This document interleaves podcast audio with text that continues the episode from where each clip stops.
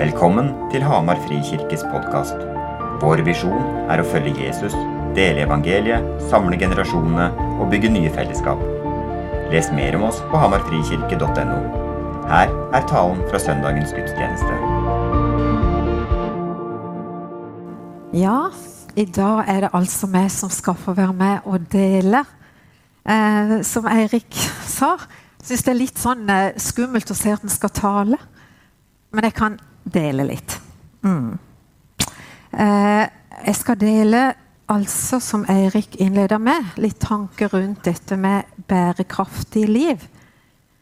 Og eh, jeg opplever at det henger veldig sammen med det å være en etterfølger av Jesus. Den gode hyrden.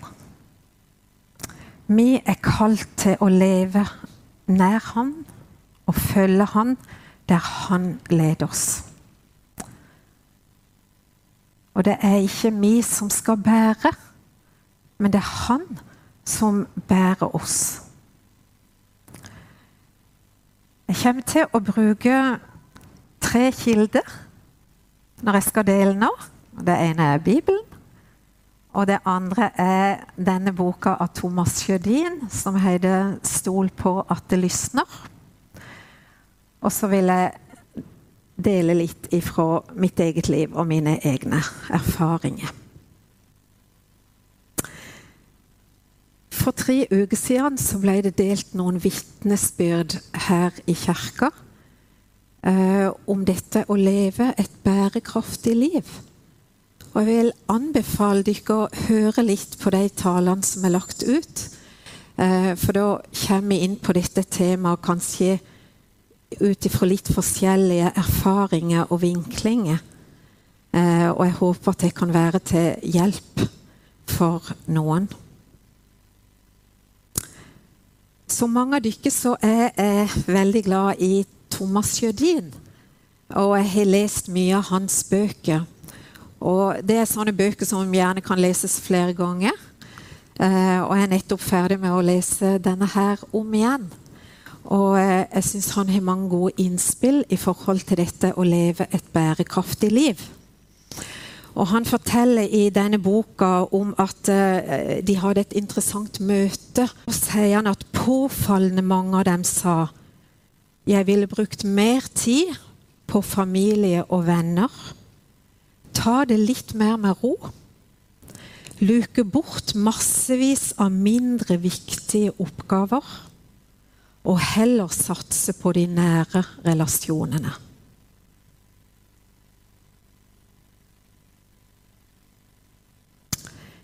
Det er ikke så sjelden jeg hører folk rundt meg si 'Jeg er så sliten'. Jeg orker ikke å ta på meg flere oppgaver. Men jeg tror at det å være sliten, det kan vi på en måte dele inn i litt sånn to forskjellige kategorier. Og jeg skal si noe om begge deler. For det første så tror jeg at det faktisk er en helt naturlig reaksjon å kjenne seg sliten hvis en over lengre tid har vært under press.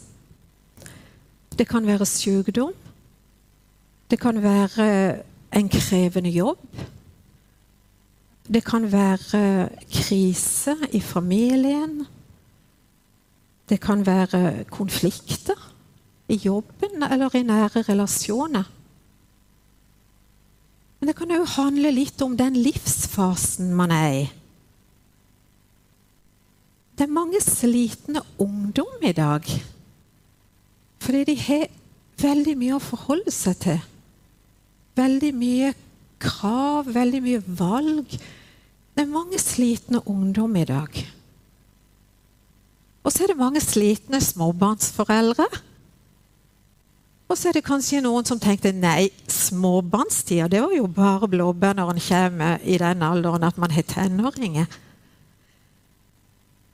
Eller kanskje du rett og slett kjenner at uh, du blir eldre. Og at det du kjente du hadde krefter til før, det har du ikke like mye energi og krefter på nå. Jeg tror rett og slett at noen ganger så er det helt naturlig at man kan kjenne seg sliten.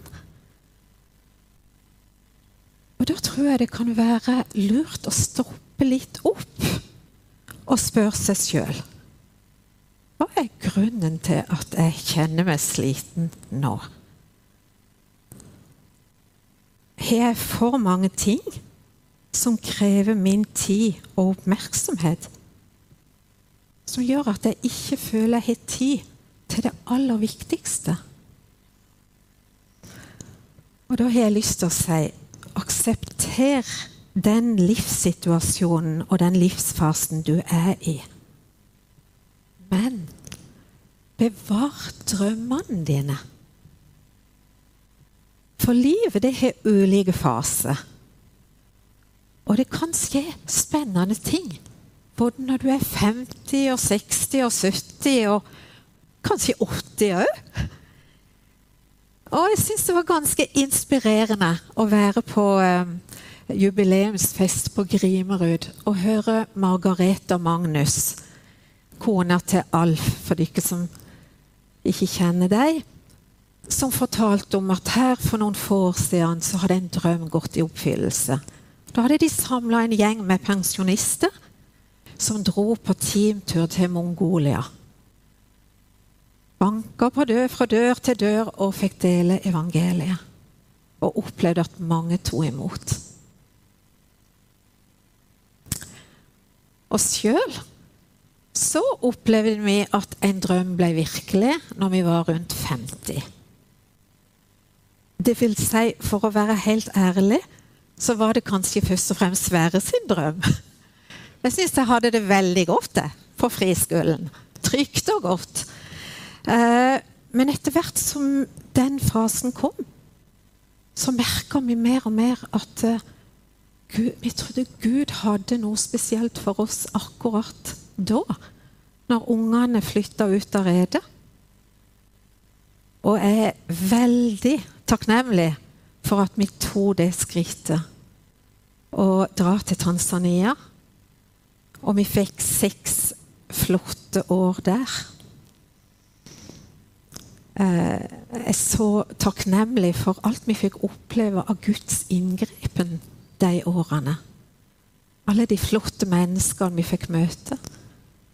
Og de vi fikk lov til å være med og betjene på Step by Step Learning Center for barn og ungdom med eh, lærevansker og, og handikap.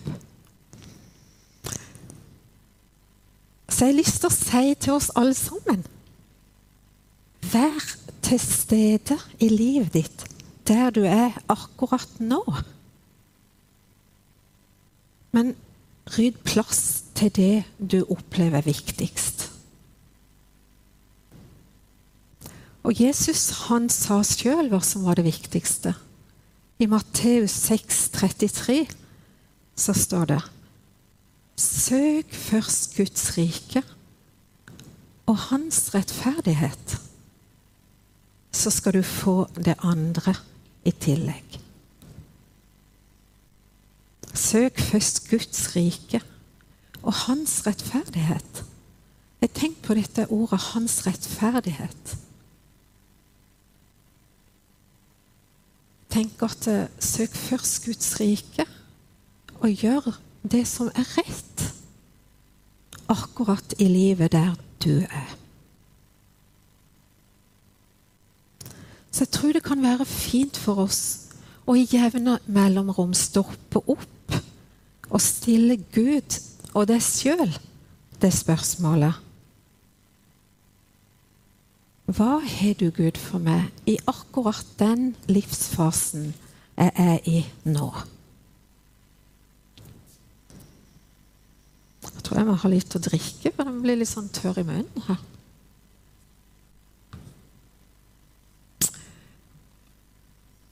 Takk skal du ha. Men så fins det òg en annen form for slitenhet. Og det er en slitenhet som skyldes hvis vi har levd over evne, både fysisk, sjelelig og åndelig. For da sier kroppen stopp. Og det kan ta ganske lang tid å bygge seg opp igjen. Det har jeg sjøl opplevd, og jeg skal komme litt tilbake til det. Så åssen kan vi leve et bærekraftig liv som holder i lengda, uten å bli utbrent? En av mine store forbilder, det er min far. Han døde rett før jul i fjor, 93 år gammel. Og til han var 85 år, så var han veldig aktiv sammen med mora mi. Eh, men da kom dessverre demensen snikende og satte en stopper for, for det aktive livet. Men jeg lærte egentlig veldig mye av faren min. Han For det første så tok han seg tid til å hvile. Og dette er en oppmuntring til alle dere som sover middag. For pappa sov middag. Jeg husker vi kunne høre han snorke når vi kom hjem fra skolen sånn langt ned i veien. Det var jo forferdelig flaut. Men når middagskvelden var unnagjort, så var han til stede i livene våre. Da hadde han fått fornya krefter. Og en annen ting jeg lærte av pappa, det var det at han, han var veldig, seg veldig bevisst på hva han ikke kunne. Han var ikke noe praktisk mann. Og han visste at nei, det jeg ikke kan, det sier jeg nei til. Og så brukte han kreftene sine på det han var god på. Det han likte, det han elska. Og for det første så elska han familien sin. Mamma og vi fire søstre, det var jentene til pappa. Og han tok seg mye tid med hver enkelt av oss. Og når han etter hvert fikk barnebarn, ti stykker, så tok han tid med hver enkelt. Og når han holdt konfirmasjonstale, så kunne han holde en varm personlig tale til hver enkelt. Fordi han hadde brukt tid sammen med dem. Så det er òg noe jeg har lært av faren min. Så han er mitt store forbilde. Etter at jeg sjøl møtte veggen som 35-åring, så har jeg egentlig vært veldig opptatt av dette spørsmålet. Hvordan kan jeg leve sånn at det holder i lengda? Jeg kom her til Hamar som 22-åring sammen med Sverre. Og det falt sammen med akkurat det året som Øyvind Fjellstad eh, fikk kallet til å bli pastor her i Hamar frikirke. Og vi ble med som det første ungdomsteamet i menigheten. Eh, og vi fikk være med på ei utrolig reise. Det var en 12-15 eldre folk, sånn 60 pluss, eh, som gikk i menigheten her. Og så fikk vi være med på den reisen og bygge opp eh, det til det det er i dag. Så det var utrolig spennende. Eh, men det ble òg litt sånn at uh, det ble mye ansvar som ble lagt på litt unge skuldre. Og som den uh, Ja er vel litt sånn samvittighetsfull person, da. Så tror jeg på meg mer enn det jeg burde. Og i tillegg så var vi jo småbarnsfamilie. Vi hadde ikke noe slekt i nærheten, så vi hadde ikke så mye avlastning i hverdagen. Vi hadde utfordringer på økonomi og jobb og brosituasjon. Og til slutt så sa det stopp. Og jeg husker det, jeg fikk en telefon fra en person i menigheten som hadde noe å klage på, noe som ikke fungerte så godt eh, i menigheten. Og helt sikkert med rette. Men etter den praten så var jeg stiv som en stokk fra topp til tå og måtte bare gå og legge meg. Og da skjønte jeg at nå er jeg tom. Og det var en ganske lang prosess å bygge seg opp igjen. Men jeg kan egentlig si at selv om jeg ikke unner noen å møte veggen, så er det en tid som jeg ikke ville vært foruten. Jeg vet at mange kan oppleve det å være utbrent som å gå i et mørke. Men jeg hadde en sånn veldig sterk opplevelse at Gud var med i den prosessen. Og jeg hadde noen av mine sterkeste møter med Gud akkurat i de årene. Og det viktigste jeg lærte, det var noe Øystein delte litt om forrige søndag, og noe som Eirik var inne på nå. Jeg lærte det at eh, mitt liv hadde vært veldig styrt av buddhisme. Istedenfor å finne den indre roen der jeg kunne lære å høre mer på hva Gud la på hjertet mitt. Og dette er noe jeg ikke er utlært i, for jeg må stadig tilbake til det. For å sitere Thomas Jødin igjen Og ikke bare springe etter lyden av andres fløyte. Eller fra den dårlige samvittigheten. Og jeg tenkte på det at Gud, han utnytter oss aldri. Han gir styrken og alt vi trenger til akkurat det han kaller oss til. Gud utnytter oss aldri. Han gir kraften og styrken og alt vi trenger for det han kaller oss til. Og Derfor har òg dette med rytme blitt viktig for meg. En daglig stille stund der jeg leser i Bibelen, der jeg ber, der jeg prøver å lytte til Gud. Gudstjenesten, det kristne fellesskapet. Å hvile og gjøre noe som jeg slapper av med og trives med. Og ikke alltid må gjøre, men rett og slett bare være.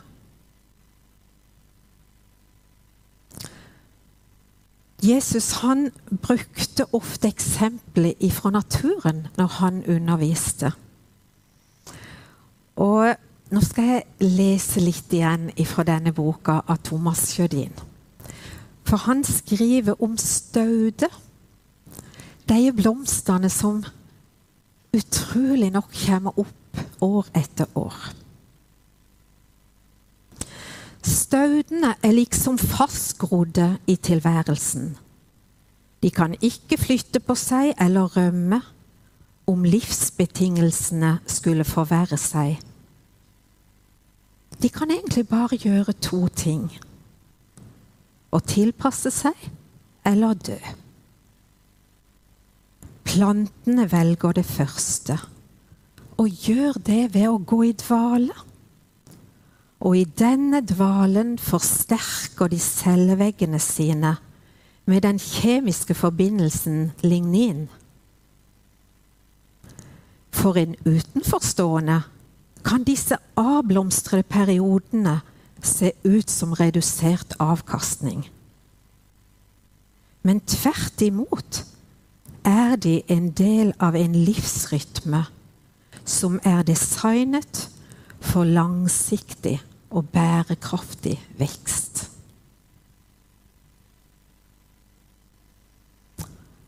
Så hvis du kjenner at akkurat nå er det ikke akkurat helt sånn blomstringstid. Så kan det være fordi du er inne i ei tid da Gud jobber med å styrke ditt indre menneske for langsiktig og bærekraftig vekst.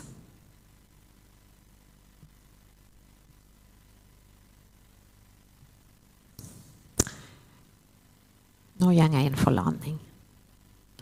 Det skal jeg gjøre med å lese den aller mest kjente salma i Bibelen. Salme 23. Jesus, han er vår hyrde. Han leder oss gjennom ulike sesonger i livet. Noen ganger leder han oss til hvile fordi han ser at nå trenger vi ny styrke og ny kraft. Andre ganger leder han oss på rettferdighetens sti. Og da tenker jeg på det er hverdagslivet vi lever. Og så langt vi kan prøve å gjøre det som er rett og godt. Og så er det òg tider eh, da han leder gjennom mørket og dødsskyggens dal. Men han er der hele tida. Han er der hele tida og ønsker å etterjage oss med sin godhet.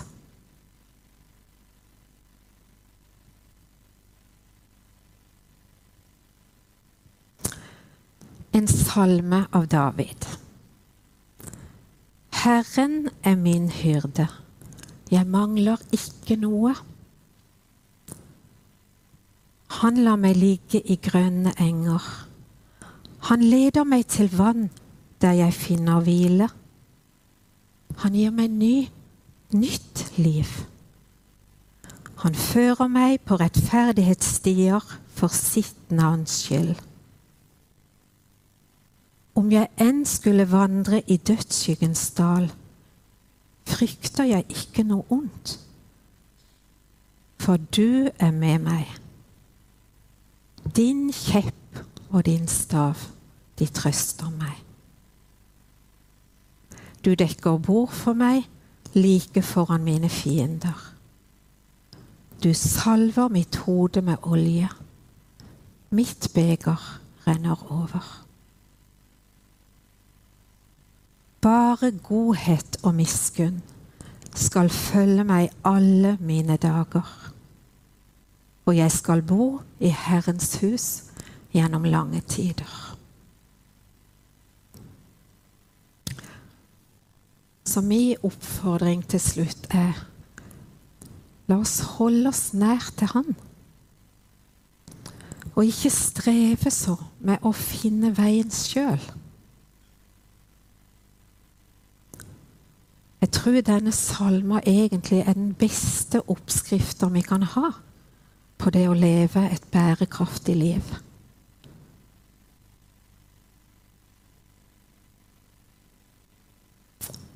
Amen.